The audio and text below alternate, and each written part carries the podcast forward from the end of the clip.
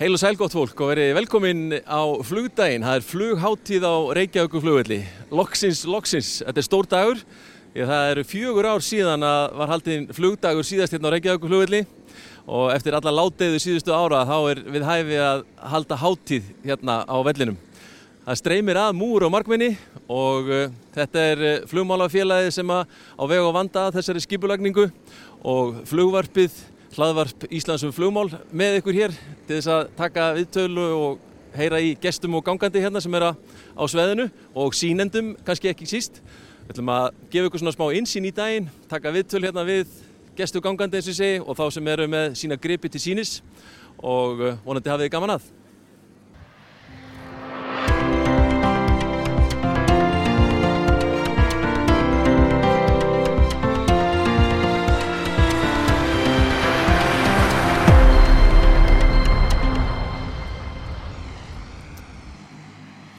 Matti, er allt, nú er klukkan sko rúmlega hálf eitt, er allt tilbúið það? Ég hef ekki segið þetta sé aðsmella. Þetta er svona, uh, ofta tíðin þegar það eru margi boltar og margi þræðir að þá, þá detta sumir og, og veðri hérna ger nú það verkum að við erum missað flugadrið vegna þess að menn fasti fyrir norðan út af veðri Já, ok. og svo bara eitt og annað en, en það er bara þess að gengur. Við erum bara, við erum vöðin þessu, dílum við það. Þetta er svolítið skipulagning. Já, heldur betur. Það er, það er ótrúlega stór hópu sem kemur að einni, einni svona flugsýningu. Bæði þeir sem eru að, að stýra og skipulegja en síðan líka fullt af sjálfbóðilegum sem að leggja höndaprófin sem við erum mjög þakklátt fyrir. Uh, og eiginlega það er alveg sama hvert maður leitar. Það er allir til í að taka þátt og, og, og hérna gera eitthvað. Og eins og núna bara þegar það eru svona síðustu, rettingar á síðustu stundu þá, þá stökka minn til. Glæsilegt. Og það streymir að fólk, þetta er alltaf vinsælt. Já, það, þetta er, það er alveg sama, þú sér eins og núna, það er rigning og, og dumbungur og það er láskiða í morgun, en samt, samt kemur fólk. Við getum eiginlega þakka fyrir það, ef það verður gott við, það verður alltaf al, alveg fullt hérna sko. Já, það verður bara ofmikið kannski. Já, við verðum bara í vandræð með fjöldastjórnum. Nei, nei, ég, það er, það er, kemur eiginlega sumum á óvart hvað eru margir sem að mæta á, á sæði þeirra flugsinninga. Þetta er mjög stór og, og, og svona tryggur hópur sem kemur þegar, þetta er í gangi. Það er líka allt og langt síðan síðast. Allt og langt. Við höfum náttúrulega farið í gegnum erfið, erfið tímabil og, og þetta er pínu uppsafna. Getur sagt að sem kannski pínu riðgar í því að halda svona flugsinningu og konur í góða æfingu þegar þetta var gert okkur einast ári og, og, og stefnum náttúrulega að gera það núna bara í framhaldinu. Hafa þetta sem álega viðburð? Já, það er uh, opbáslega skemmtilegt að geta gert það og, og, og, og gera þetta svona árlega og sína bara hvað er gangi, hvaða nýjustu vélar eru, eru konar eins og núna, bara glæni í vél og kassanum, bara ég held að hún sé búin að lenda sexinum í það heila. Já, erbjörnsvélinn frá Play. Já, akkurat. Þannig að, að við bara leggjum áherslu það að, að við erum sem fle, við, með sem flesta vélar og við erum í fjölbreytina, þannig að það er bara frábært. Það er líka gaman að hleypa fólki einu sinu ári inn á aðal samgangum miðstöðu landsins, Reykjavík Akkurat og fólk, fólk kemst ekki oft í svona mikið náviði flýð og ekki inn á þetta sæði svona nálægt flugbröðunum og kemst svona átt að segja kannski að því hvað einmitt er bara mikið í gangi og mikið líf hérna. Og uh, þeir sem eru einmitt að reyka völlin í Ísæði að þeir eru mjög ánægð með það að geta svona sínt aðeins hérna tólinu sín og það eru, það eru sópar og, og tækja frá þeim og sæðinu líka. Þannig að er mikið á baku eða reyka eitt svona flugvöll Gekkjað, heyrðu, gangið ég vel og, og heyrjumst það ykkur eftir. Takk hjá það, við sjáumst.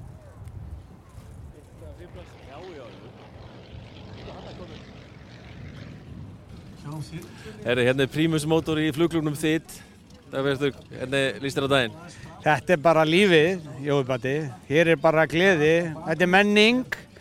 Þetta er bara, við erum eilenda og þetta er það sem við, allt okkar líf byggist á Íslandi, það er flugið. Kanski aðeins fiskurinn líka en fyrst og fremst flugið. Smá fiskur líka, já. Hérna, hvað getur þið sagt okkur um flugklubni þitt? Þú er með þessa fínu derhú hérna og, Jú, jú. og búin að vera lengi í sko, klub og þeir eru nú, la, ná, ég ætla nánast að segja sko, já þeir eru viðfræðir allavega í bransanum, þú og pappiðinn. Já, það er bara óvart, ég veit það ekki. Ég, hérna, allir, við tölum bara ekki um mikið en flugklubunni þittur er náttúrulega bara, þetta er bara, svona, hvað ég var að segja, þetta er rjómi íslenskra flugkluba. En þetta er, þetta er gamal klúbur, rótgróðan klúbur, ég ætla hans ekki að verða nálgast 30 ár eða meira held ég. Otto Tínes heitinn var fyrsti formar og uh, við erum þetta svona uh, byggt upp fyrst og fremst á á stél, eh, svona sem stélhjólsklúpur til að byrja með, Piper Cup, Super Cup.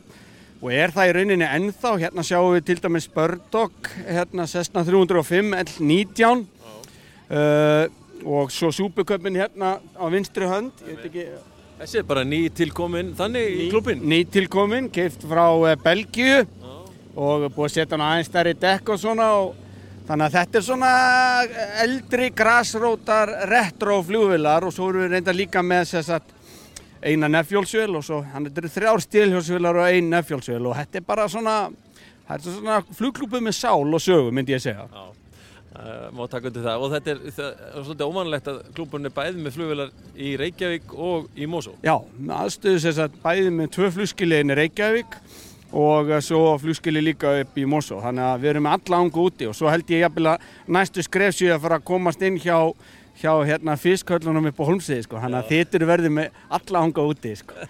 Ljóma vel. Herri, hvað er nú uppáðsvélinn? Mín, Já. Ég held að ef ég ætla, myndi kaupa mér flugvel til að segja sjálfur, þá væri það þessi hérna. Sko. Ég myndi setja hann aðeins stærri dekk og vortiskennuður og þá væri þetta velinn, sko, Birdog 305. Þetta er náttúrulega military vél sem var notið í Vietnam og ef þið kannski kíkja á það eftir, sjáuð inn í hana mikið pláss, flott sound, eigðir ekkert of miklu. Þetta er bara, þetta er rosa sál og karakter í, finnst mér Birdoginu, sko. Þannig að ég held ég myndi alltaf segja þessi hérna, sko. Geggjað útsýn í úrinni. Gekkja útsýn, hún var hönnu til þess að hérna, það var hönnu sem njóstna flugvili í Vietnam, þannig að það er vítt til alla átt að þú sérð vel úr henni og það er bara nóg plássin í henni og minnst bara allt við hana sem er skemmtilegt sko. Það er sennilega um setin þegar að hérna, koma eldgós. Já, algjörlega, það var meira segja sko þegar að Færadalsfjalli fór á stað hérna á Reykjanesuna þá þá, hérna, þá var drifið í því að setja svo kallan transponder í vilin og svo að vilin var í lögleg að fljúa yfir korsin út af því að ég veit að Raksi og okkar helstu ljósmyndarar að þeim finnst æðislegt að fljúa og taka myndir úr þessari vel út af því, ég veit ekki hvort við getum hversu hreyfanlegu myndatökum maðurinn er en við sjáum hérna Jói sko eins og þú reyndar veist sko klukkan er hérna Já. er opnast inn Það opnast inn sko. Já, einmitt. Þetta er sniðut. Hérna getur þú báðum megin sko. Og svo er me meira að segja þannig að það er hægt að taka sko pulluna hérna í aftara sætinu.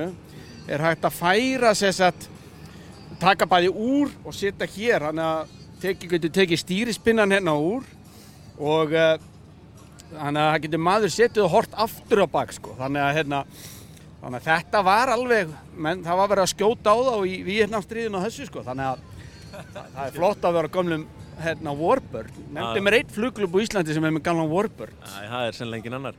Það var einmitt eitt krakki sem spurði hérna áðan, er þetta alvöru herflugul? já, sagði ekki já Jú, jú, eitthvað svo leiðis. þetta er glæsilegt. Það er til lökum með þetta og góða skemmtun. gaman að sjá því og til hamingi með daginn Sömulegis.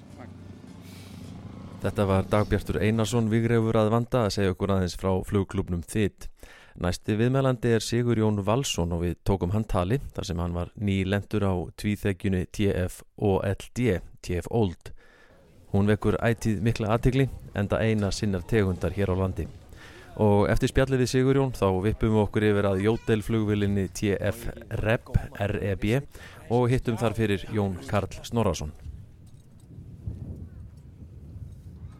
Æja, Heyrðu, nú, nú náum við kallinum hérna bara í sætinu. Sigurjón, velkomin aftur til Jarðar. Þakka þér fyrir, þakka þér fyrir. Hvernig gekk? Ljómandi vel, já alveg ljómandi vel. Er þetta svona, svona skalanum 1-10, hvað er þetta svona rankað í, í skemmtilega hittum að fljúa þessari flugvel? Þetta er svona 10,5. En hvað getur þið sagt okkur um þess að vél? Þetta er svolítið einstök flugvel. Já, er ekki, uh, þetta er svo eina á Íslandi, au- augljóslega. Uh, þetta var handað sem uh, þjálfunarvél í listflugi uh, fyrir belgiska flugherrin upphálega. Uh, þessi vél er smíðuð í Fraklandi 1946 og uh, var notuð af flugklúpum og flugskólum í, í, í Fraklandi þá til 69 þá fyrir hún til Bretlands og er notuð þær í listflugsýningar og listflug og, og, og engaflug þanga til að hún kemur hingað 2017. Og og hvernig kemur það til að hún kemur hinga? Já, það er stórt í spurt. Ég og félagi minn Elias, og vinnur, uh, uh, við uh, sáum svona flugvél og flugsýningu nýri Þýskalandi og ákváðum eiginlega að okkur langaði í svona flugvél og svo hérna 2017 að þá uh, kom tækifærið og við bara stökum á það og, og hingaði erum komin. Hmm. Og hva, hvernig til dæmis hreyvill er í þessari vil? Heyrðu, það er uh, Runo uh, sem að er fjöra sílindra lína og kolvi eins og það heyrið og þá er hljóðið í henni svolítið öðruvísi heldur en í, í hérna Skyhook. Og hérna, já já þetta er uh, svona gamaldags hreyfill, hann er hannaður 1927 þannig að þetta, er ekki alveg nýjasta teknovísindi sko. Er, er það ekki sérstætt svona að operetta líka? Jú, jú, jú. Og kannski aðalega sérstakt að halda þessu við Elias vinnu minna, hann er að ná þvílikum tökum á því að, að halda þessu mótorgangandi. En flýgur þessi vel mikið svona á hverju ári? Uh, við höfum verið að fljúinni svona milli 20 og 30 tíma á ári eitthvað svo leiðis sem er bara svona óskup þægilegt fyrir hana. Það gerir þess ekkert gott að standa. Flugvelar er eitthvað að fljúa og þessi, þetta er einn af þessu svona dýrgripum sem er einmitt í Mosó Já, einmitt, þetta, hún á heima í Mosó þessi hmm. Herru, þetta var glæsilegt, takk fyrir síninguna og, og góða skemmtun í dag Já, takk sem leiðis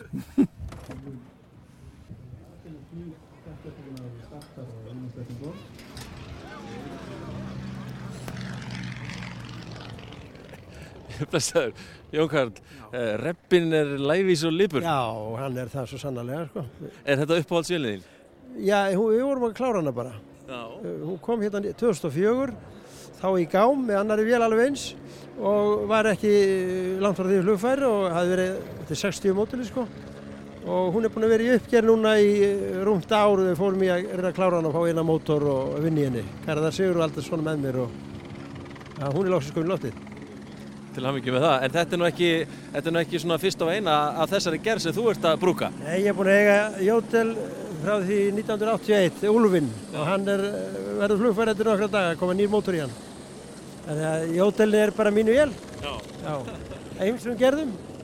Hvað er að við jótelin svona sem er, er svona skemmtilegt, finnst þér? Já, mér finnst það fyrsta lagi fallegar og uh, þær eru léttbyggðar, eru mjög léttar og léttbyggðar og bera mikið með við mótorstærð, hagkvæmar, fljúa vel og skemmtilega og mér finnst það bara, ég hef alltaf gaman á að vera það fyrir mér. Já, skiptir máli.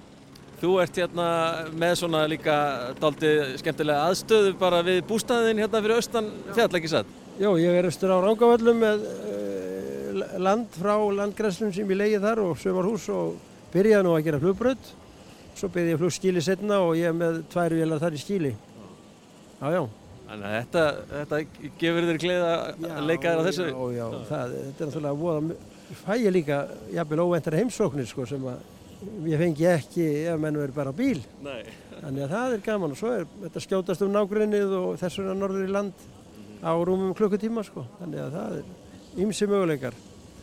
Svona flugdagur eins og í dag, eh, hérna, finnst þér hann hafa svona mikið gildi að færa svona flugið aðeins til fólksins? Já, ég held að það sé bara mikið atrið en það sést hvað mikill áhugi. Það er nú flestir svona hlindir fluginu og það er ótrúlega áhuga meðal Íslandinga um flug. Þetta er nú verið hérna á svona einhver vissu árabili flugdagar og alltaf vel sótt þegar við veðrið ekki fer með okkur en auðvitað verður þetta að vera áfram og flugvöldunum verður að vera hér og hvergi annar staðar.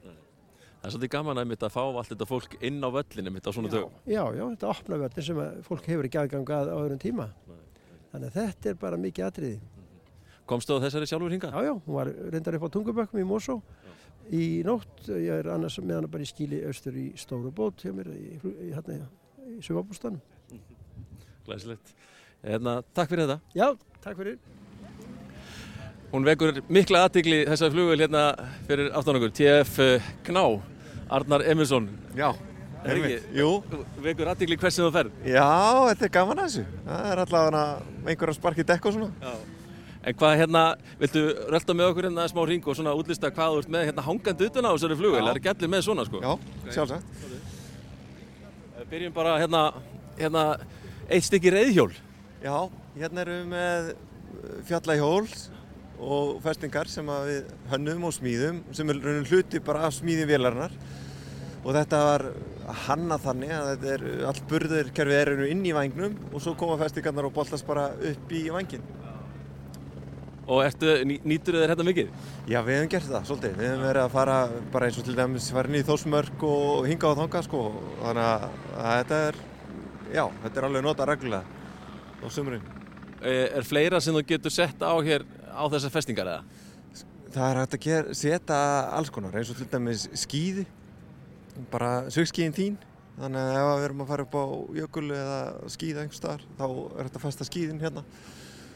Og, en ef maður er bara tveir eða tvö í vilni þá eh, passa þið líka inn í skrokkin. Og er, hérna, ert að nota þetta mest enga, e, til enga brúks eða eru er menna að leia þetta af þér til, til æfintýra ferða? Nei, ég er ekkert að lega þetta. Þetta er bara fyrir vini og til að hafa gaman sko. Ekkert annað. Herru, færum okkur hérna aðeins að hérna, lendingar útbúnaðanum, hann er líka svolítið sértökur.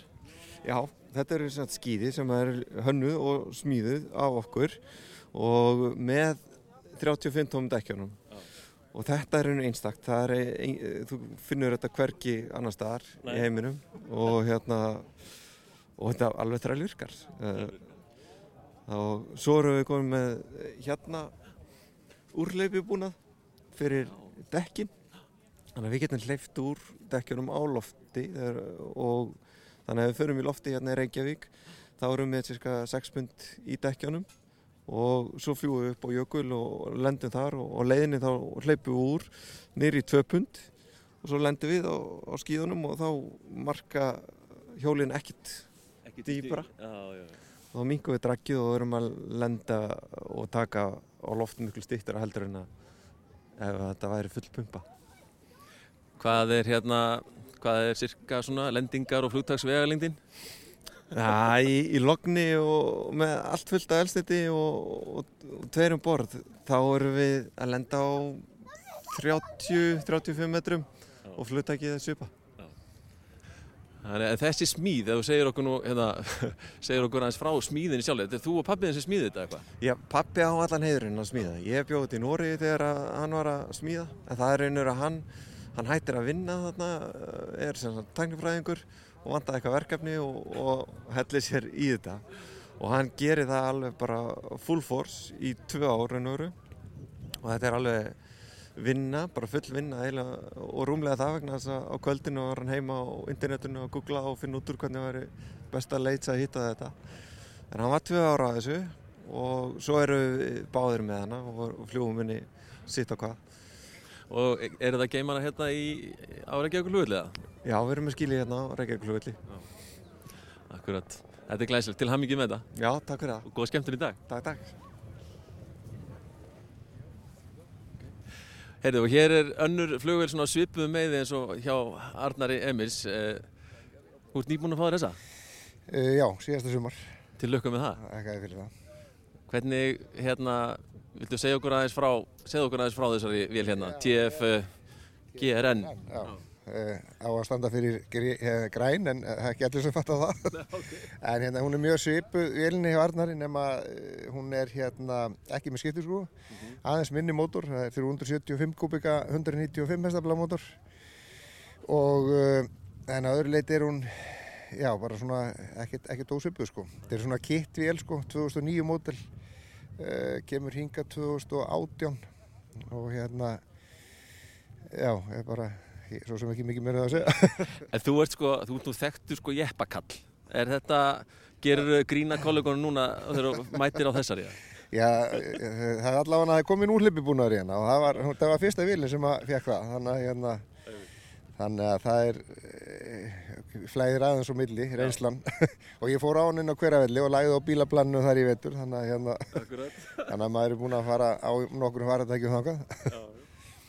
Að þetta, hérna, er þetta svona að gefa þér mikið að leika þér á svona græju bara um landið? alveg gríðarlega. Það er bara hérna, þetta kveikt í flugdelluna slíka aftur að nú bara, það er, það er mér sér öðru sem mæti í vinnuna sko. Já, og fjölskyldan nýtur góðs af? Já, það, er, hérna, það er náttúrulega eru þrýr á heimilinu með, með skýrtinni og, og hérna þannig að það er bara nota sumaru núna í að tekka restina af fjölskyldun út og, og hérna þá er þetta flott fjölskyldusport.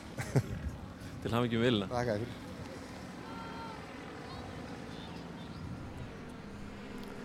Þetta var Gunnlaugur Rapp Björnsson við Super Cruiser vél sína TFGRN og áfram röldu við um síningasvæðið og hittum næst fyrir Helga Þorsteinsson, fyrirverandi flugstjóra og flugkennara til áratuga þar sem hann stendur stoltur við gljáfægða silfraða flugvel af gerðinni Cessna 140 sem ber einnkynistafina TFAEB.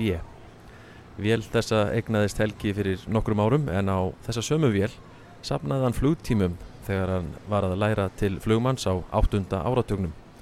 Þessi fagra litla stjælhjólsvél stóð þá lítið notuð því fáur vildi fljúinni en Helgi stökk til, kefti sér tjekk á Alfred Inga Bjarnar og fór að fljúa. Erðu, hér er uh, hérna, merkisgripur uh, TFAIB og Helgi Þorsteins, þú átt þessa vel? Já, já, ég á þessa vel. Hún er 1947 mótel og verður því uh, 76 ára núna og hérna var gerð upp 2015, tók okkur hvað, þrjú, þrjú og halvt ár, okay. 2500 vinnustundir. Og sér ekki þetta því? Nei, alls ekki, alls ekki. Mér þykir svo væntum þess að vél. Ég safnaði tíma á hana á sínu tíma þegar hún var hjá Helga Jóns mm -hmm. og það hefur verið svona 75-6 sem ég safnaði tíma á hana og mér alltaf þótt mjög væntum hana. Þannig ég keift hana 2015 og, og hérna, þetta er ekki bara einhver flugvel, þetta er Alfred Ingi Bjarni og hérna, hún nýtast bara að fara út svona á góðveðri stögum og, og sína hana og hafa alltaf í tímiði stundum að því að þá kannski orðhengast hún.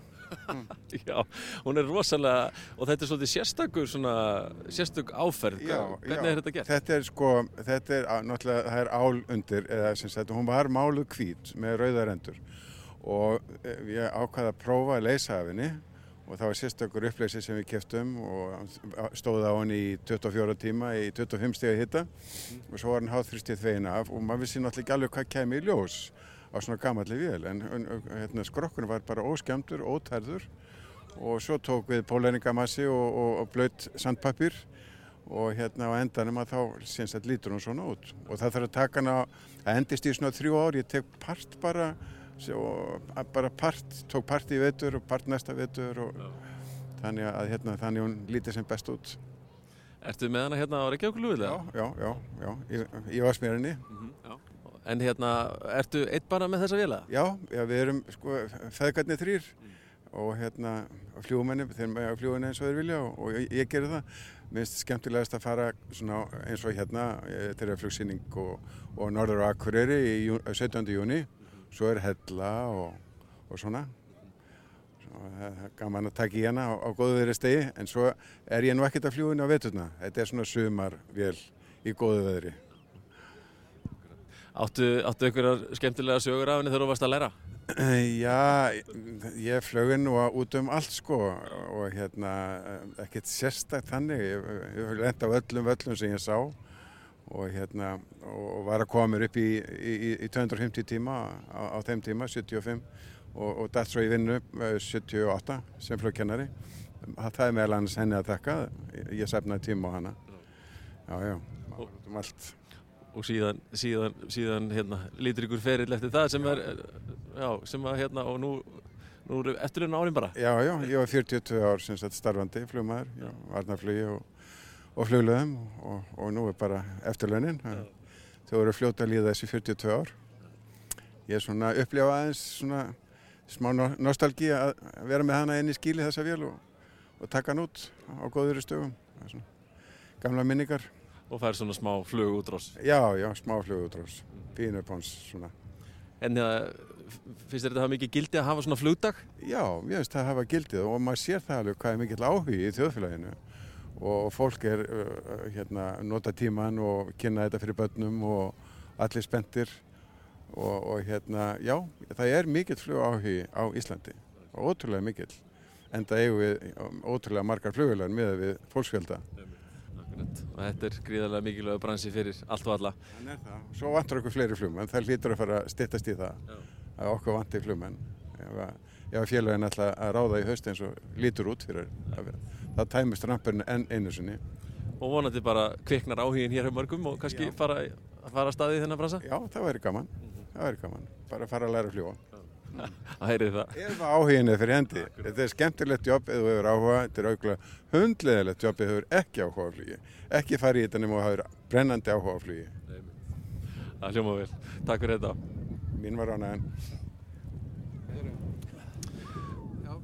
Það eru nokkra flugvelar hérna frá flugfélaginu Geirfugli. Mattias Argrímsson, er, er mikill áhugi? Já, þetta er bara merkilegt sko, það er hérna frekar kallt og ekkert geðveikt sko sem veðrið en, en það er mjög ánægilegt að tala við fólk hérna í skjólundi vangjum og segja frá flugnáminu og mjög margir áhugaðsamir, það eru þrýr búin ákvæða að læra bara við að spjalla við okkur. Já, frábært. Já, mjög gott, mjög gott sko. Þannig að gildi svona dags að það er töluvert. Já, það verður að halda sko, svo erfitt út af öllum öryggisreglum og gýringum að komast að flugulum og snertaður og skoða og þetta er okkar dagiveri til til að bjóða fólki að koma og, og taka svona sjá hvað við höfum upp á að bjóða. Og flugfélagi Geirfugli og, og þið eruð að kenna hérna í, í fluggörðum hérna á Reykjavíkurflugvilli, ekki, ekki svo margir skólar hér aðrir? Nei, það eru minnum með þrýr, fjóri skólar á vellinum. Við hefum nú verið hérna í 26 ár og kent, við vorum búin að fara yfir þetta, það er allt um, um það byrju 4400 manns sem hafa farið í gegnum bara okkar skóla. Það telst bara ansi gott held ég. Og eins og alltaf með höðatölur. Akkurat. En svo talaðum við nefnilega svona sumir eins og við þekkjum eru hérna að, að það þurfi nú svona flest allt sem hér er bara að víkja og eitthvað annað að koma í staðinn en, en hérna við svona sem þekkjum það sem er hérna þetta er græsrótin og hér, hér svona lifnar þetta allt við. Já, við meðum ekki gleyma því að við erum nú sko á lítill eigi út í Ballarhæfi Allandsafs. Við erum bara 390.000 manna örþjóð og það er makalöst hvað flugið hefur gert fyrir þessa þjóð. Og við meðum ekki vannmeta það og þess vegna hefur að hlúa að því og efla það en ekki vera að eiðilegja það og minga það.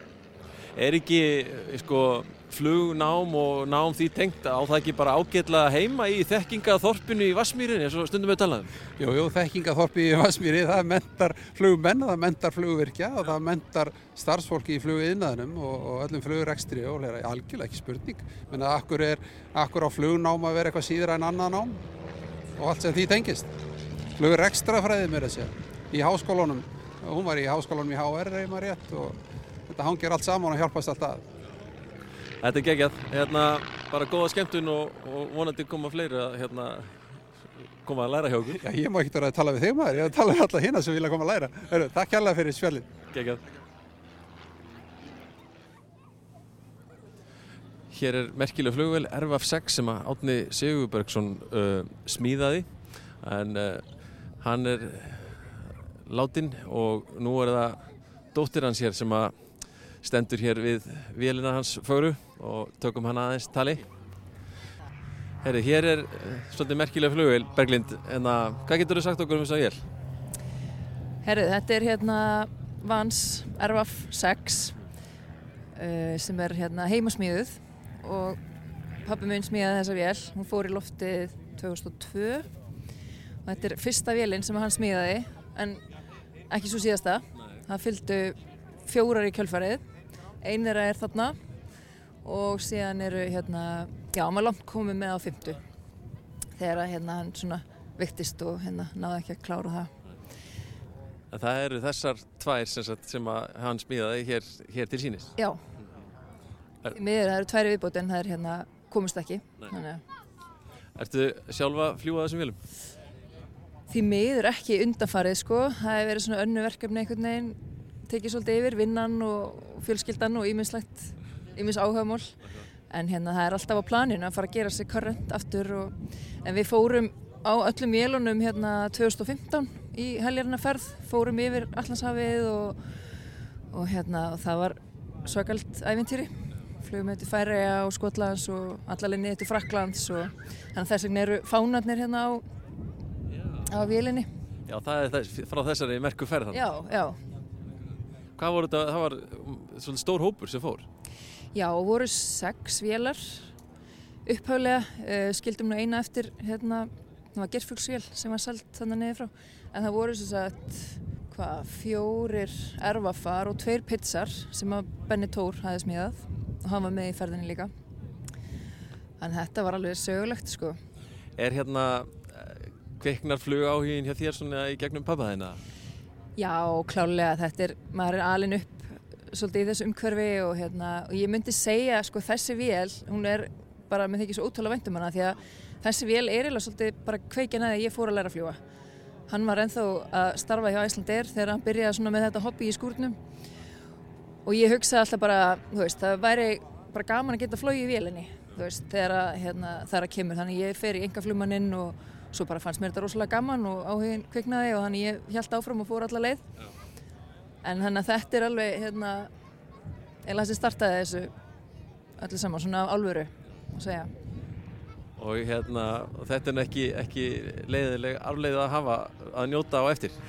Nei, alls ekki sko, er og bara listasmíði náttúrulega eins og allir vita sko og, og hérna, ótrúlega vandurkur og, og yðin og hérna eins og Benny Tór sagði einhver tíman sko, átni, hann er ekki flugvilasmiður, hann er flugvila framleiðandi. Þannig að ég held að þetta hlýtur að vera einhvers konar met, þú veist að einn maður hafi smíðað svona marga vélar sko.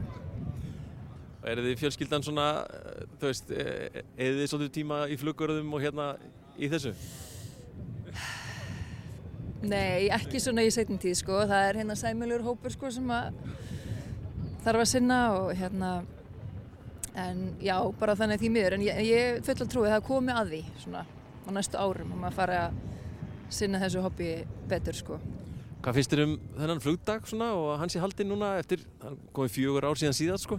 Já, minnst það bara frábært, ómissandi, bara algjörlega hérna og löngu, maður bara trúir ekki að séu fjögur ár, minnst það ekki það langt síðan var síðan sko, tímið liður hrætt, en bara ekki spurning, bara nöysilegt að halda flugvöllinum á lofti og, og lífinu og öllu sem er hérna í gangi í Varsmýrinni sko, aðeins að minna á þetta stóra samfélag sko. Heri, takk kærlega fyrir þetta og góða skemmtun í dag. Takk sem er leiðis. Heri, hún vekur mikla aðtikli hér, svona sennilega einna mesta af öllum síningagripunum Glæni Flugvel Play og hér er yfir flugstjórun sjálfur Jóhann Óskar til aðmengi með gripin. Já, takk fyrir bara kærlega. Hvernig hérna var ekki gaman að koma á þessari til Reykjavík hlugvallar í morgun? Ég hef ekki að segja að þetta sé bara svona hérna, draumur að rætast bara Já. að fá að koma hérna á glænir í þóttu og lenda á Reykjavík flugvalli. Það er bara ekki spurning sko. Ha. Og hérna, þetta er svakarlega vinsælt að fá að skoða. Enda náttúrulega ekki alltaf sem að fólk hefur tækifæri til þess að svona gera þetta? Nei, eins og við þekkjum nú báðir að þá, hérna, þá er þetta nú almennt svona ekki vaninn að lefa fólki að, að lappum flugvel og skoðana og ekki að þessari stærð. Við komum vanlega bara sem farþegar sko. Það var að beint í sæti og sestu. Já, akkurat. Þannig þetta er bara, bara gríðilega gaman að geta bóðið upp á þetta bara fyrir flug áhuga fólk sko. Já. Bara alveg 100% sko. Varst þú sjálfur að sækja þessa hérna til Hamburgara? Nei, reyndar ekki. Við, hérna, það var nú uh, mjög mætur flugstjóri hjá okkur og mikil smittin sem að fótt til Hamburgara og náði hana fyrir okkur. En, en ég fekk nú að njóta þess heiðus að koma á lendinni hérna í Reykjavík sko. Þannig að hérna, ég fekk smá að á henni sko. Er ekki svolítið sérstök tilfinning að vera á svona glænýjum grip? Jú, fyrir menni okkar fæi þá gerist það nú líki betra sko. Þetta er svona bara, þetta er svona kannski hægt að bera þetta saman við bara þegar þú kaupið nýjan bíl sko en fyrir okkur flugáhuga menn og sérstaklega menn í okkar fæi að ja, gerist bara ekkit betra en þetta sko. Það er bara þannig. Hvað hérna getur nú svona sagt mér eitthvað um þessa vél, þú veist, svona típu, þetta er hvað, 320 eða hvað? Já, já, þetta er sko Airbus 321 sem er svona sluti af þessari 320 fjölskyldu það sem er búið að lengja hana aðeins og, og hérna gefinni svona smá aðeins auka, auka í mótorana og, og, og hérna til að, já bara til að koma fleira fólki um borð og þessi flugvél er náttúrulega sko hún er með framleysli númeri nummer 11.200 nei 345 og hérna hún kom bara frá Hamburg fyrir þreymur dögum bara beint úr vexmiðinu sko. Það verður bara ekki nýra Og þetta, þessi gripir er að reynast ykkur vel í, á, á, á þessum leiðum sem að plegir að fljúa? Já, þetta er bara, þetta er guldsíkildi fyrir okkur og, og, og, hérna, og flugreikendur sem er í sama bara business og við og með sama mótel sko. Að hérna, þessi gefur rosalega vel og það sem hefur líka verið gott fyrir okkur er að allar flugvilarnar okkar eru eins sem að náttúrulega lámarkar þjálfunarkostnað og viðhaldskostnað, varahluta lagar, að, að, að það er bara guldsíkildi fyrir okkur, rekstralega. Er svo, hvað er svo planið í dag? Er þetta að fara með hana eh, til Keflavíkur og, og, og beint, beint í flugaða? Já, hún fer í áallunarflugi fyrramáli skilst mér og, og hérna, já, já, planið er bara að reyna hérna, við þurfum að sjá núna hvernig síningin þokast en, en svona uppálega markmiði var aðalega bara að koma með hana og leifinni að fólki að skoða hana en eh, svona ef við getum þegar líður á síninguna þá vorum við að vonast til þess að geta hérna, fólk geti séð okkur farið í loftið og við getum kannski gert hérna yfirflug, eitthvað svo. Gengja, það verður ekki leiðilt að sjá það. Til hamingju enn og aftur og bara góða skemmtun í dag. Já, bara takk kjærlega.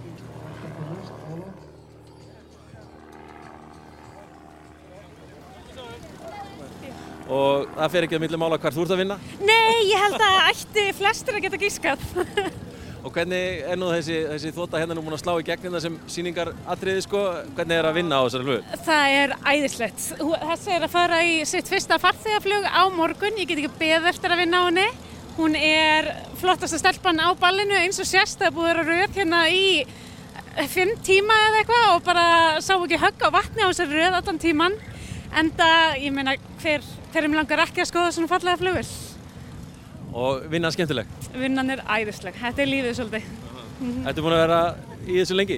Já, ég var uh, búin að vera hjá Play bara alveg síðan að við byrjuðum. Þannig að elsk þetta, elsk þetta.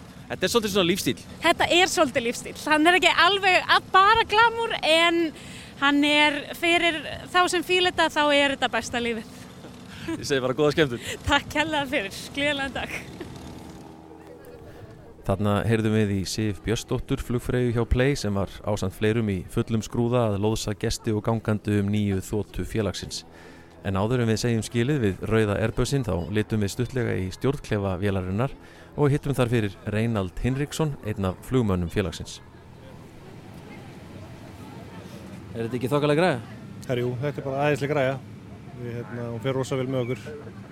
Góðu vinnustæður? Já, heldur betur. Hvernig hérna ætlið að taka eitthvað síningaflug á eftir það? Herri já, við ætlum við reynir bara að gera eins mikið og okkur verið leift að gera og hérna, sjá hvort við getum í teki eitt eða tvö lópas árum við hérna, fyrir heim, eða fyrir heim, fyrir til kemla ykkur.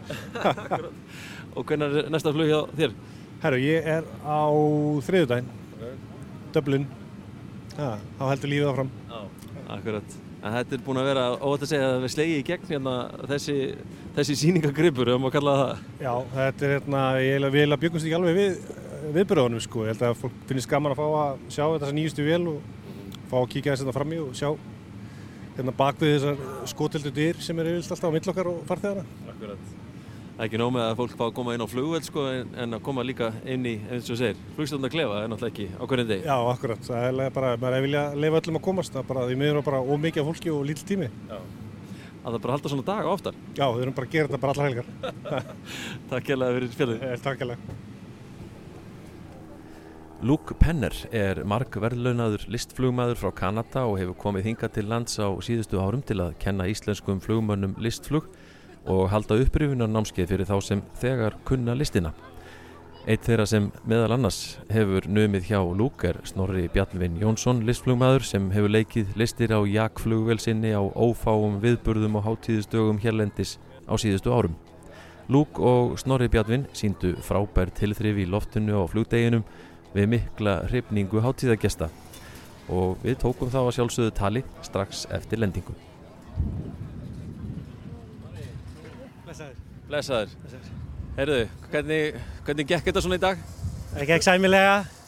Tíðin undanfarið hefur maður ekki getað aðeins eins og maður vildi til að slípa alltaf til en ég er bara ánægð með þetta. Bara gaman að þessu, ógeðslega gaman. Er þetta, hérna, er þetta mikill undirbúningur?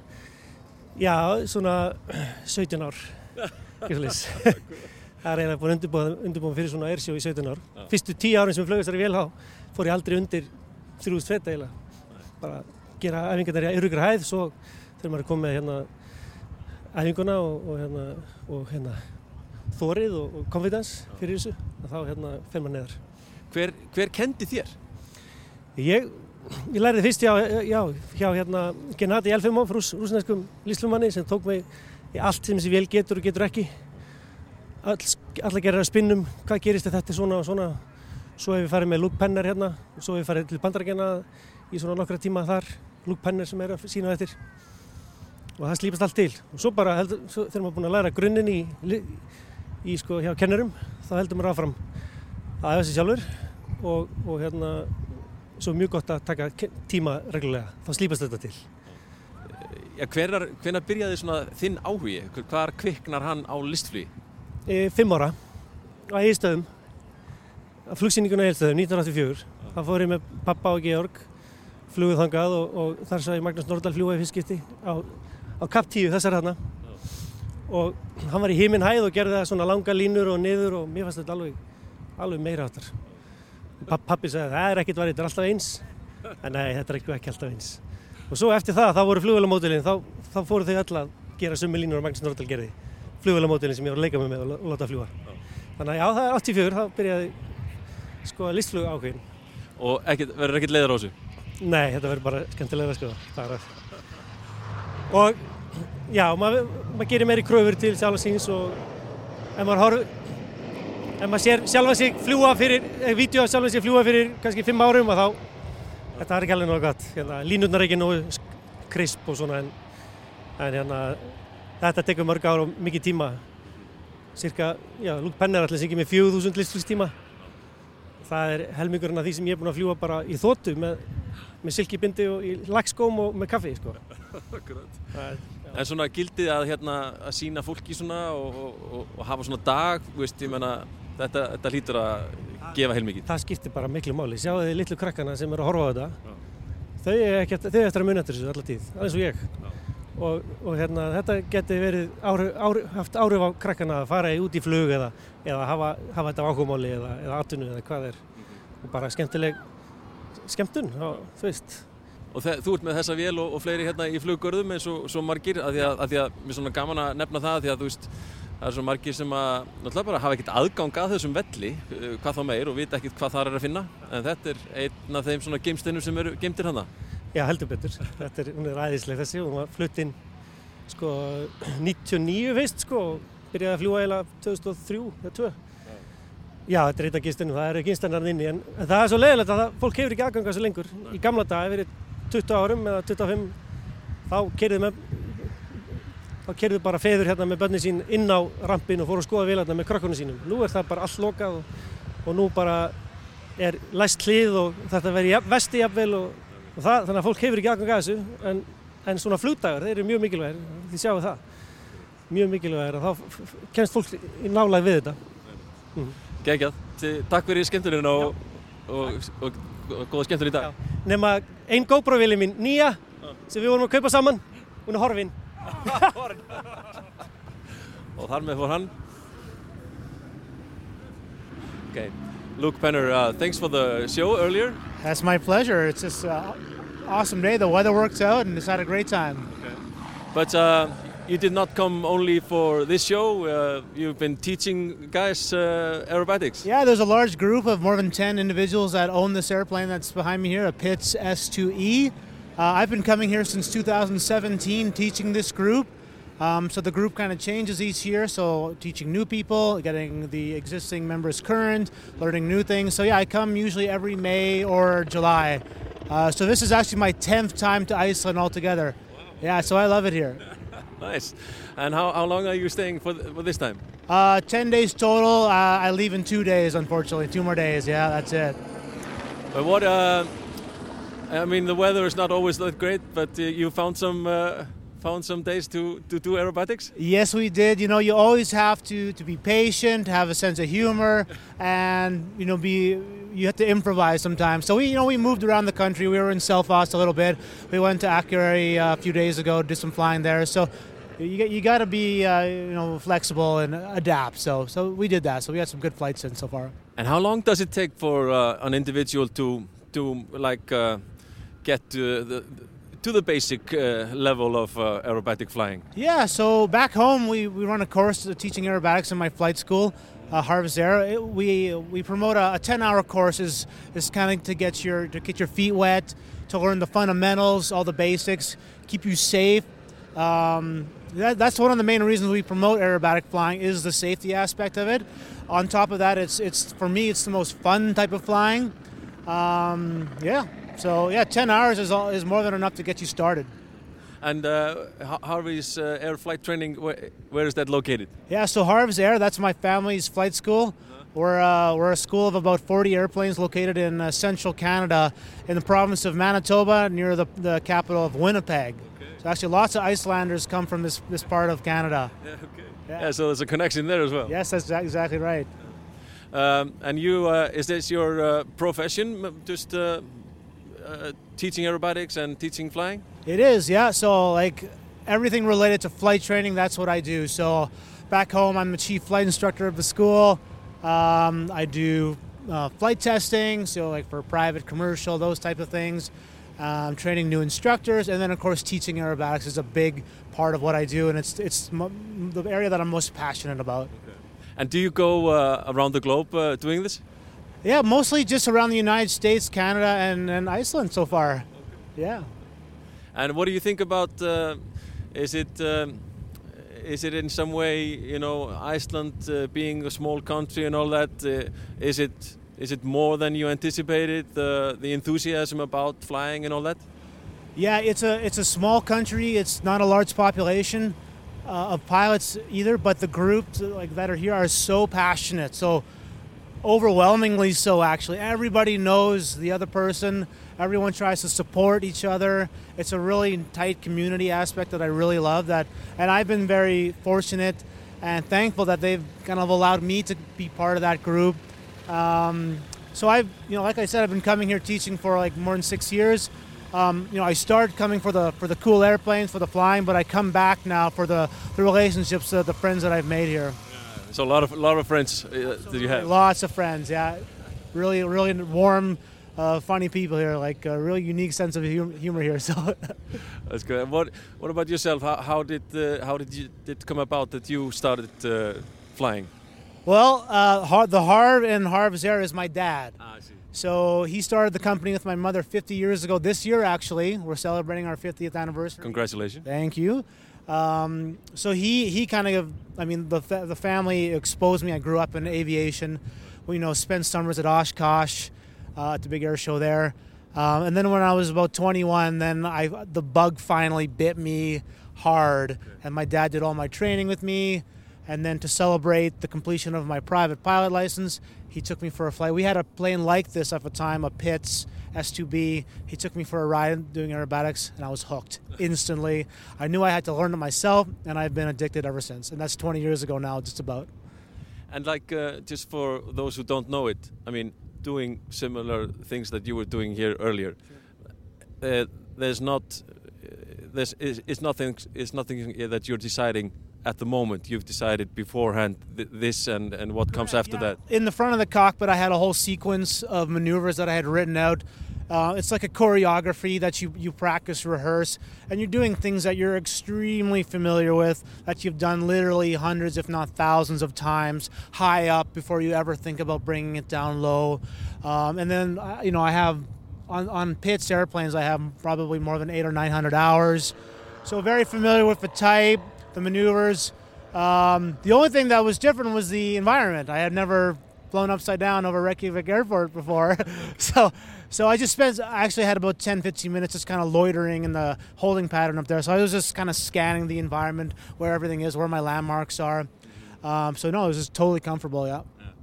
Funny thing about it, uh, probably not a lot of people know that you have it choreographed all from from A to Z. Yep, yep. I have like all my 19 maneuvers written out, you know, one all the way to 19. Just and I just you just follow the script. There are a few things where you have to adapt in real time. Obviously, the wind is the biggest factor. Like today, we had like a good 20 knot on crowd wind. So you probably noticed me and all the other performers are always correcting for the wind, trying to push it back to, that way.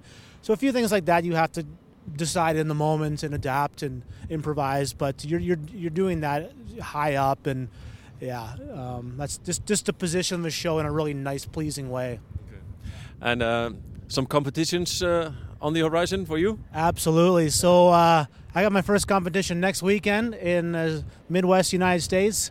Uh, I'm captain of the Canadian Advanced Aerobatic Team.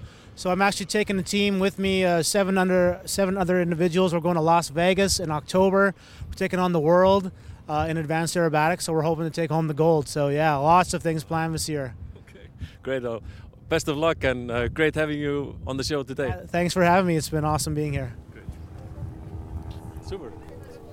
Félagsmenn í FIS-félagi Reykjavíkur létu sér ekki vanta á flugdægin í Reykjavík og mættu í hópflugi á FISum af félagsvæði sínu og holmseiðinni en það var ein FIS-félin sem vakti þó mesta aðtegli, Hákarlavélin eða The Shark. Þetta er európsk smíði, ótrúlega rennileg vél með skiptiskrúu og uppdraganlegum hjólum og við þessa vél stóð flugmaðurinnar Íri Prúsa sem bara nokkrum vikum fyrr hafði sett nýtt heimsmynd í lengsta flugi á FIS-vél flög þá yfir 1900 km leið. Heyrum hér næst í honum og svo í framhaldinu í Jónasi Sturlu Sverrisinni.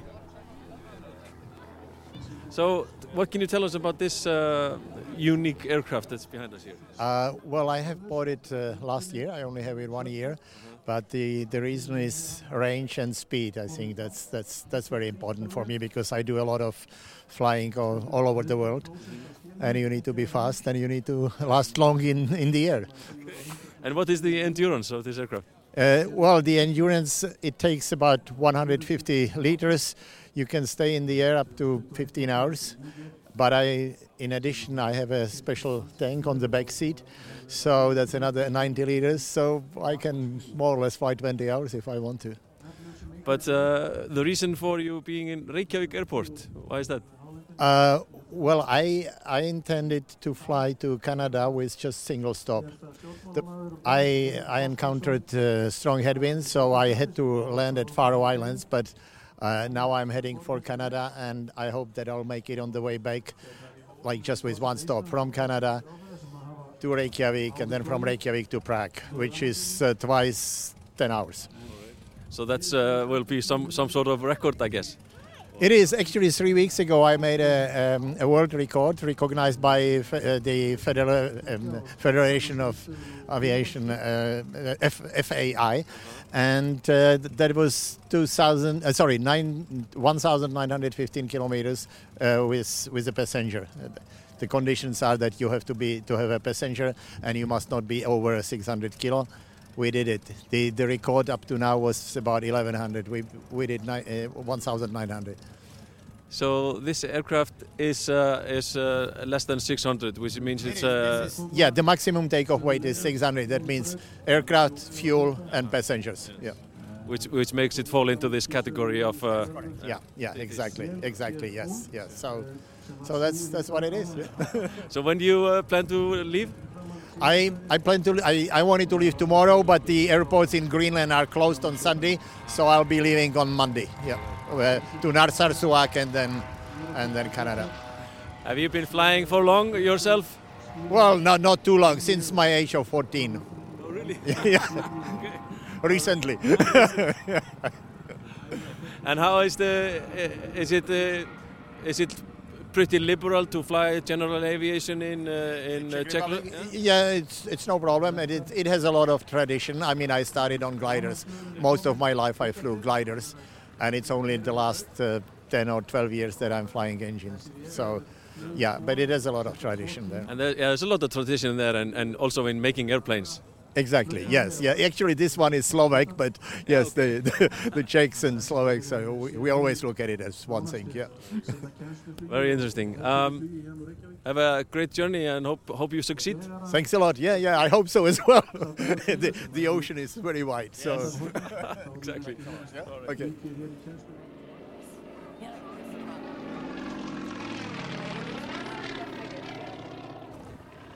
Jónas, það eru, vantar ekki hérna vélarnar frá ykkur í, í, í fyrstfélaginu hérna? Nei, við erum svona með 14 eða 15. Okay. Við komum hérna í heitli Halarói í morgun, það var svona alltaf flott. Já, það ekki.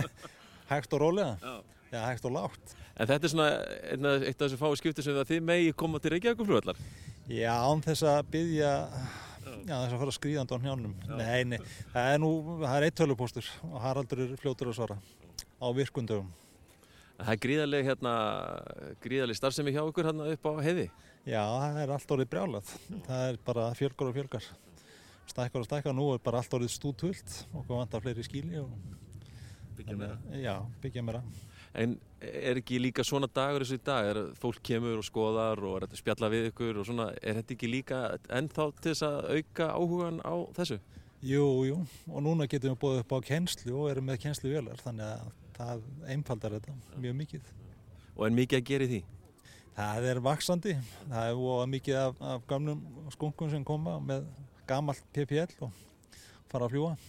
Viljið fara að riðu? Já, nákvæmlega. Og það er bara fínt. Það vantar konur. Já, er það? Er það fáar í þessu? Það er mjög fáar.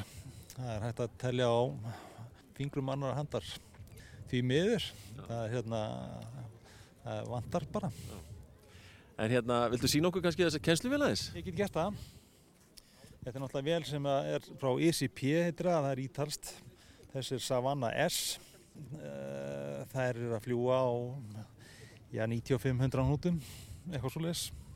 Þessi til þennan vél, hún kom frá Ítalíu og henni var flóið hérna, það má sjá hérna ferli sem hún fór.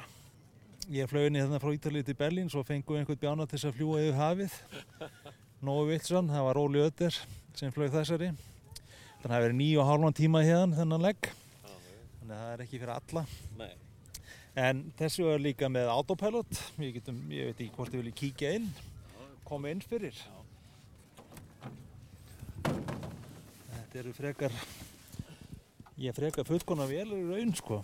Það er hérna, e, það er ekki alla með autopilot, svona litla velar. Og eða glaskopit eins og þetta er, þannig að hér er, hún er í raun með öll sömu tæki og fullornu velunar. Það meiri segja transponder í henni. Þetta er glæsilegt. Þannig að þetta er hérna mjög þægilega velar. Þessi til þetta vel, hún getur dreyið hérna svifljur á loft. Þannig að það er þetta að sleppi búnaðinu hérna. Stólar í 48 km og hún er með bara fullt, fulla stýringu alveg niður í engan hraða. Þannig að það er bara, þetta eru frekar örga velar og hannaða sem 600 kg velar og við höfum bara regluginni hér er 450 ennþá. Sem að við erum að vona að, breyt, vona að breytist eitthvað síðan Já, já, það hlýtur að koma að því. Og það fer ágætlega um tvo hérna? Það fer mjög vel um tvo. Og fínt faragunsými það er, reyndar, það er 20 kg faragunsými en hún er með 5 tíma flugþól eða svo Þannig að menn geta alveg farið í ágættis ferðir? Já, já, en svo sjáum á Já, hvað hérna hvernig með, þú veist, eins og elsnita á þetta og svo leiðis? Það er bara bílabensin, 95 og hérna, nei, það er ekkert sem að gætir að því að, að hérna, hafa túpurnar góðar, það sé að hérna, hafa hérna uh, leiðslurnar allar í lægi, þannig að, að því að ethanólinn alltaf getur þetta upp og ef maður er með lélegt gúmi í, þessu þá bara stíplast allt sko. Þessar eru reyndar með stál, riðfrýst stál, rör, þannig að það er, er ekki hægt á ferðum þar. Þannig að það er ódýrst að fljúa þessu líka. Já, sem er nú kannski einn ein stóru ástæði að margir sækja í þetta frekar en eitthvað annað. Já, já, borga fjóðskallir í tíman kannski með bensín og annað við held að það er, er einfalt sko. Ekki að borga 30 skall. Og auðvelt þannig að ná í bensín, hérna, bara bílabensín út um allt. Og við svo sem getum lenda á vegum til þess að ná í bensín. Og við lendum upp í eins og raunegum og slíkt, slíkum stöðum og fyllum á aðrum förum áfram.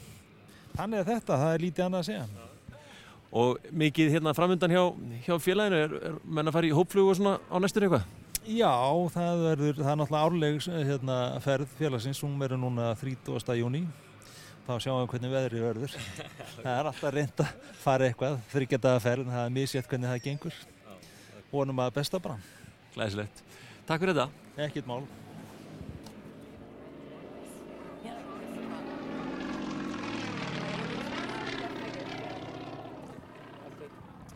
Heyrðu og meðal gesta hér er Linda Gunnarsdóttir yfirflugstjóri. Þú lætur ekki vant á flugdægin? Nei, heldur betur ekki. Þetta er náttúrulega bara æðislegt framtak og, og gaman að sjá hvað mikið lífi í græsrótinni. Og mikið af fólki sem er að mæta? Já, mjög mikið af fólki. Mér skilst að hérna bara klukkutíma á hann síningin byrjaði hafi verið bara hópur hangandi hérna á girðingunni, beðið eftir að komast inn. Þannig að það er búið að vera stöðu ströymar af fólki og, og greinilega bara mikill áhugi á flugi sem er mjög ánægilegt. Er þetta ekki, einmitt, hefur það ekki heilmikið gildi bara svona fyrir bara atvinnu, fyrir starfseminna alla að ha- hafa svona dag og, og kynningu á öllu því sem er í kringum þetta?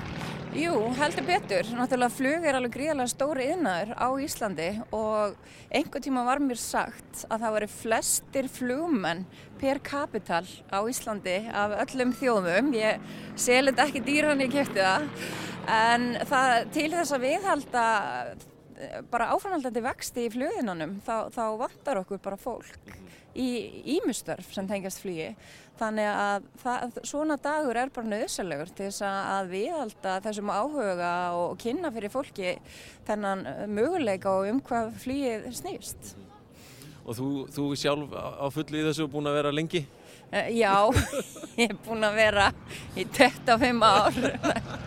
Ég er búin að vera í, já, bara eiginlega hátt í 30 ár. Ég er búin að, já, það er bara, ég er búin að vera 30 ár í viðlóðandi flug á eitthvað nátt. Og þetta er svona, þegar fólk verður í þetta, þetta er svolítið svona bakterja. Já, þetta er lífstíl. Þetta er nefnilega svolítið lífstíl. Þetta er ekki bara vinna. Og það er það sem gerir þetta spennandi. Og hér erum við nú einmitt við eina flugvél sem tengist þínum lífstíla þá núna, eða hvað? Viltu sagt okkur aðeins frá þessari? Þetta er, þetta er fljúandi jeppi. þetta er svo sagt supercruiser. E, þetta er vél sem að hefur, hún er á 30-15 með dekkjum, þannig að þú getur lendinni hvar sem er. E, hún hefur mjög mikla hægflugs einleika. E, hún er líka, það er búið að modana þannig til að það er hægt að hleypa úr dekkjónum og bæði setja, hleypa úr dekkjum og setja loft í dekkin á flugi. Þannig að hún hendar vel til lendinga til dæmis á jöklum og upp á hálendi Íslands sem að við eh, fjölskyldan höfum- er, mjög duglega heimsækja. Þannig að þetta er, þetta er leiktæki, þetta er mjög skemmtilegt leiktæki. Og eitt, eitt vinsælt leiktæki í fjölskyldinu um þessa, þessa stundina eða hvað? Já, já, já, já, já, hún er það, hún er það. Þetta er svona, þetta er svona e, e, e, litla babyið í fjölskyldinni núna. En hvernig leggst svona flugsumarið í þig? Bara mjög vel. E, náttúrulega hefur orðið mjög hraður uppgangur eftir, eftir COVID og auðvitað fylgja því vastaverkir, það er bara eðlilegt. En e, sumar leggst mjög vel í mig. Þetta er bara stærsta áallin sem Æslandir hefur nokkuð tíma verið með. E, bókunarstaðan er góð, auðvitað eru við ennþá að glíma við alls konar eftirkast COVID. E, eins og bara til dæmis mönnun og flugöllum erlendis, það er bara erfitt að fá handlingu og, og, og hérna bara flugafgriðslu þannig að það, það verða áskorunir en, en, en, hérna, en þetta verður gott sumar. Gekkjað. Þetta er alltaf upplið hérna, eftir svona döpur, eða mögur ár, skulum við segja, kannski svona allra síðustu, en því líkur uppgangur núna. Já, það er það sem er, er gríðarlega, gríðarlega ánægilegt. Gekkjað. Herðu, takk fyrir þetta Kjella og góða skemmtun í dag. Takk fyrir sem er leiðis.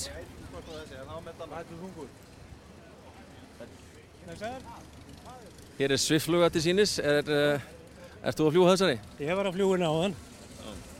Þetta er kennsluvílin okkar, aðal kennsluvílin á Sandskeiði. Eru margar uh, vélar þar upp frá? Já, klúburinn á fimm vélar og svo eru fimm í engaðeg. Þetta er aktíft, mjög góðar vélar sko, fullgónar. Er, eru margir svona að koma nýjir inn í þetta sport í dag eða hvernig, hvernig er svona nýliðurinn í þessu? Það er mjög mísjamt, sum árin eru nágætt og önnur ekki og svo fara menn þeir eru komin að staði þessu og fara þeir í engaflugi og atvinnuflugi. Þetta er ágættis grunnur. Já, maður hefur heyrt það. Hér læra menn sko algjörlega hvernig vélarna virka og þurfa að bjarga sér sjálfið sko. Og eins og einhver vélflum að það sagður, einhver erasta lending er nöðlending og því veit ekki mér mótor. Ert þú búinn að vera í þessu lengi? Já, ég byrjaði 1968, bara sem krakki. Þannig að, já, já. Og, og sinnir þessu á fullu en þá? Já, já, allt suma fríð. Já, já. Hvað hérna, er þetta, ef að fólk hefur áhuga á að, að svona prófa þetta, er þetta flókið að byrja? Nei, nei, það er bara að koma upp yfir og fá pröfuflug og svo að mann líst vel á þetta þá kaupir maður svona byrjendapakka sem eru nokkuð flug. Og okkur finnst að þú hafi möguleika að læra að fljúa þá farið það áfram. En ef þú ert algjör vitlisingur sem veist ekki hvað snýr upp og niður þá er nú ráðlagt að hætta En, en er ekki flesti sem geta kom, komist áfram í þessu? Jú, jú, jú, langflestir, langflestir Það er ég Læsilegt. Erðu og verður þessari flóið hérna burt á eftir? Við tórsum hana upp yttir aftur, við tók, fórum með hana í nýrittir hérna í morgunum tíu litið bara í flugdói og slepptum hérna yfir ytri höfnin og lendum hérna. Svo fór ég í lofti á hann og flög smá listflug á hann og hérna, og hérna, svo erum við farin upp yfir aftur bara setni í dag. Frábært, takk fyrir þetta. Takk sem leis. Gaman að sjá þig. Sumulegis. Alla pungurinn sjálfur. Já, nú erum við mættir hérna að taka, taka við viðtal það er af því að þessi flugvél er svo flott þetta er bara, já, öðrum ólöstuðum er þetta nú bara held í drauma flugvélin mín sko Já, er það ekki? bara til hamingi með hana Já, takk fyrir það, Jói. Hvern- nú saman í henni 2004 líklega. Já, það er svolítið langt, það er allt og langt síðan Það er svolítið langt síðan, já, já. En segðu mér aðeins frá þessari flugvél sem, að, sem að þú átt á sig Herru, þetta er Cessna 180, kemur til landsins fyrst 1955. Hún er búin að hafa mm, þrjú regg á sér Já. gegnum tíðina því að hún er búin að krasa í þrjú skipti og er endurbyggð aftur og aftur. Og hún er sannlega aldrei verið falleri heldur en núna, þó ég segi sjálfur frá. Og þetta er vél sem er svona, er svo sérstaklega þýleiti, hún hefur svo gott hraðasvið. Flýgur hægt og hún flýgur hratt. Við erum fljótir á milli staða og getum lent á þröngum, stöttum bröðum. Það er kosturinn við hana. og það þjónar þínum hagsmunum vel sem við vilt vera með annan fótinn í, í Fljótavík Já, í vilda, vilda vestrinu, við viljum vera þar. Það er gott að vera þar. það er alveg verið. Og hvað ertu lengi að fara Reykjavík, uh, Fljótavík á þessari? Ég hef nú verið stiðt 58 myndur, maður er alltaf að keppast við þetta sko. Okay. Á góðu vindur, góðu norðanvindur. En hérna, þetta er svona klukkutíma og kort er 20 myndur öllu jöfnu. Já, það er ekkert svo langur tími Nei, alls ekki, alls ekki. Og þetta ber líka alveg helling Já, hún hérna, segja gárungan, hún farið með allt sem í hann er sett. Já, akkurat Já, einmitt Ertu búin að fara eitthvað vestur þetta árið? Ég er búin að skreppa eitt úr, gist eina nótt og hérna fórum bræðinu svona að taka vor tjekk en það er búin að vera leiðinda veður núna í mæ og ekki gefið, við bara býðum eftir að komast. Eru þið margir um þessa vél? Við erum tveir sem eigum hana, en ég er einnum af fljúinni eins og er. En er þetta ekki þetta hlýtur að gefa þér mikið að, að, svona, að hafa, hafa aðgangað að þessu og svona mikið frelsi? Jú, þetta er mikið frelsi og, og hérna, þetta er bara forréttindi, geta gert þetta. Maður nýtu þess með að maður getur. Mm. Hérna, og þið eru með þessa vél hérna í flugurðum á Reykjavík Já, hún er í flugurðum. Já, það er heimahöfn. Það er ansi, ansi margir svona geimsteinar sem eru geimtir þar. Já, já, já, það er alveg rétt. Það er svolítið gaman að fá að draga sumaðir allavega út og sína fólki. Já, það gerum allavega þegar svona góðir flugdagar koma. Mm. Það er til aðmikið með þetta og bara góða skemmtun í sumar að fljúum. Takk fyrir það, sumulegis. Hér er TFFAL, experimentavél. Garðar, þú átt þessa? Já, ég er búin að eiga hana síðan 2009. Þess að kipta hana af fjórun strákun sem að og flutt hana inn og svona voru búin að vera að brasa svolítið með hana en, en svo voru það liðið og mig vantæði flugvel okay. Og hvernig hérna, getur þú líst henni svona aðeins fyrir okkur? Já, þetta er, er hann öfur Jódel D11 hún er heimasmiðið í Kanada þessi vél og eftir tegningum hérna Chris Falconar heitir hann sem að gerði það, hann gerði nokkra sko. Nema hann, landingirinn er allt öðruðis á þessum vélum, hann er, þetta eru fjæðrir frá Dögu Haviland fjæðrir og bremsur og wheels and brakes. Og svo er bara Continental og 200 í henni þessari 100 stafla mótor og hún er semst experimental þannig að ég fæ alveg að sjá um hana sjálfur. Og, og hérna það er mjög gaman Ertu með hana hérna í Reykjavík?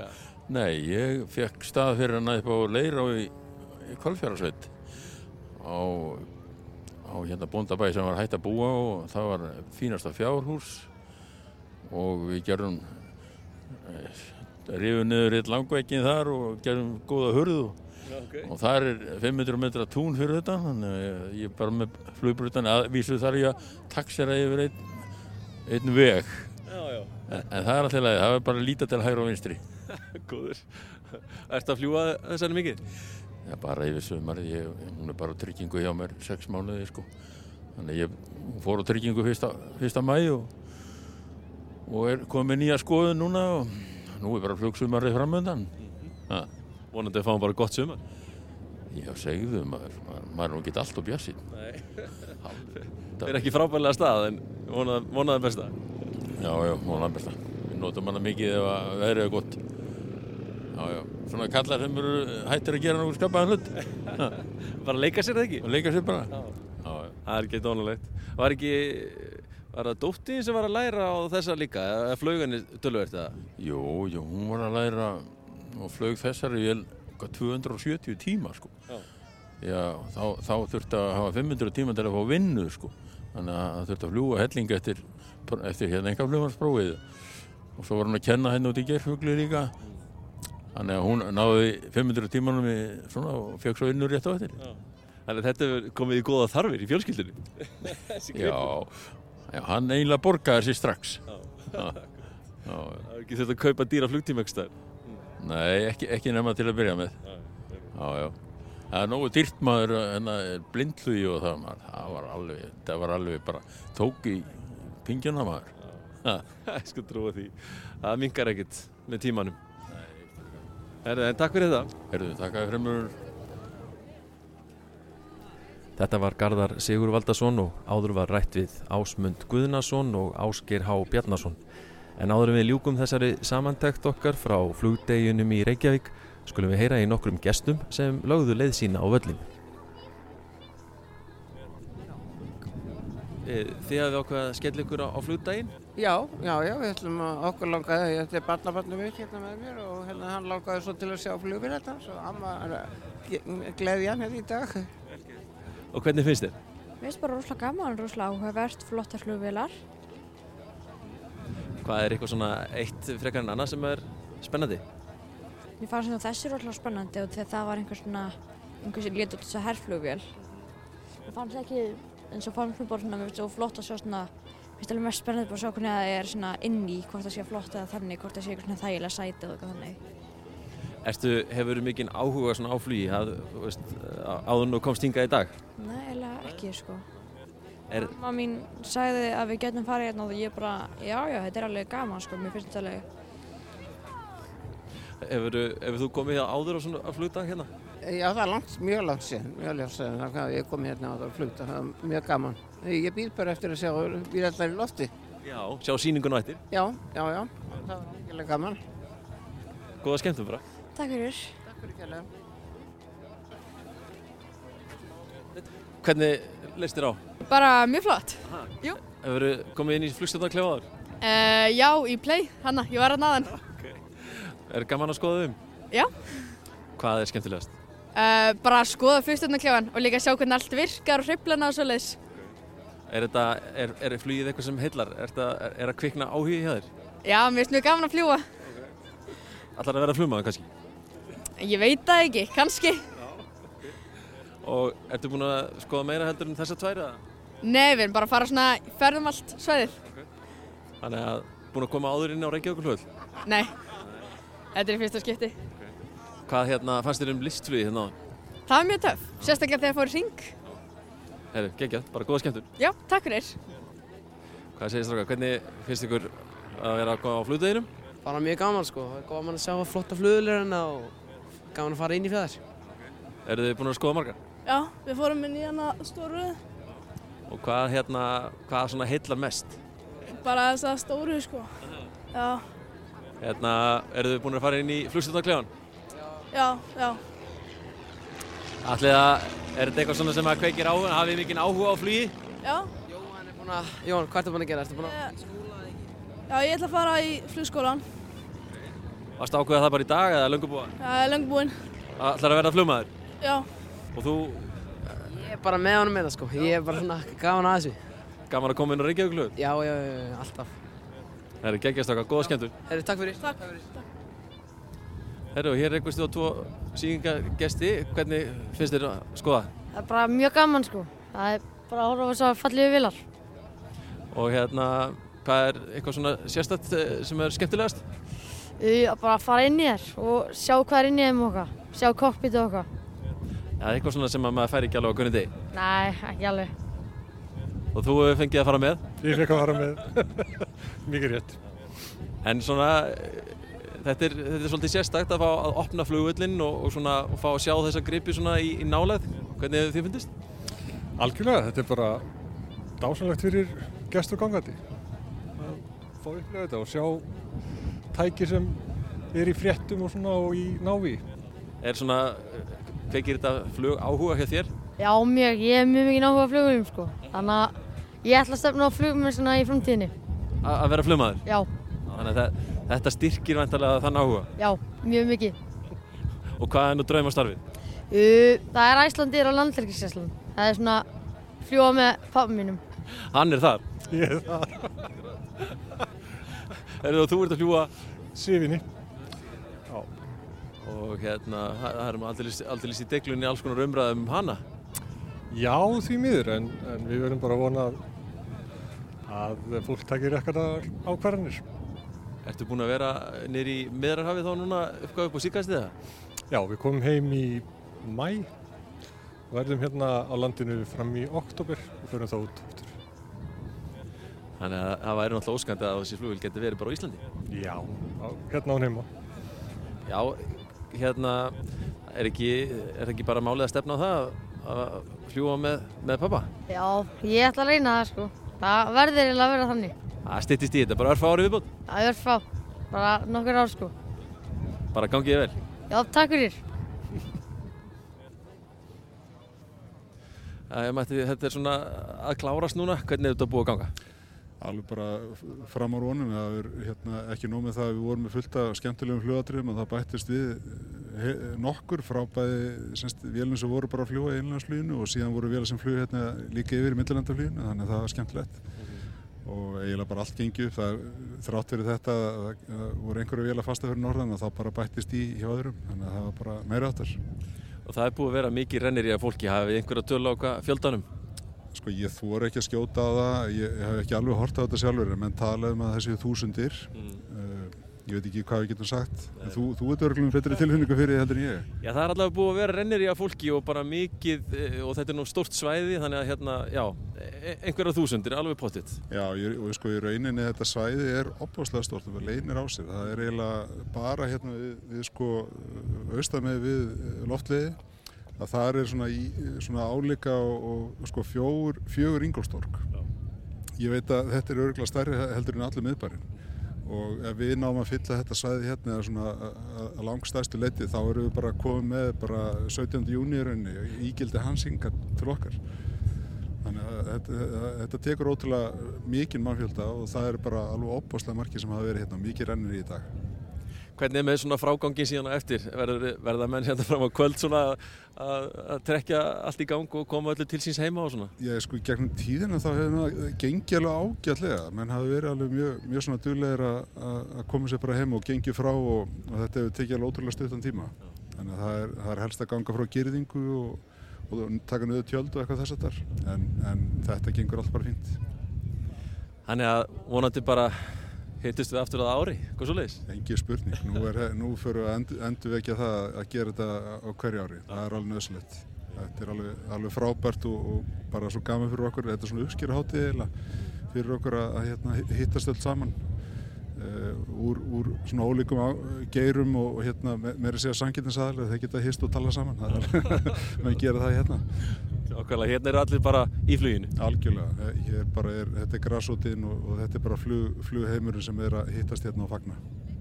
Gekja bara til lukku með daginn og, og hérna, þetta er búið að vera mjög skemmtilegt. Já, takk hérlega og takk fyrir þí, þína aðstofn og þetta, er- þetta er nýbreytni að, að, hérna, að, að- að fara svona og heyra í fólki og ég held að það sé líka mikilvægt að, að einmitt að heyra í áhörundum og heyra í þeim sem eru hérna á vélunum og, og, og, hérna, og miðla því. Það er mjög skemmtilegt. Það verður gaman að heyra árasturinn. Já, það verður gaman að sjá hvernig við náum að setja þetta saman.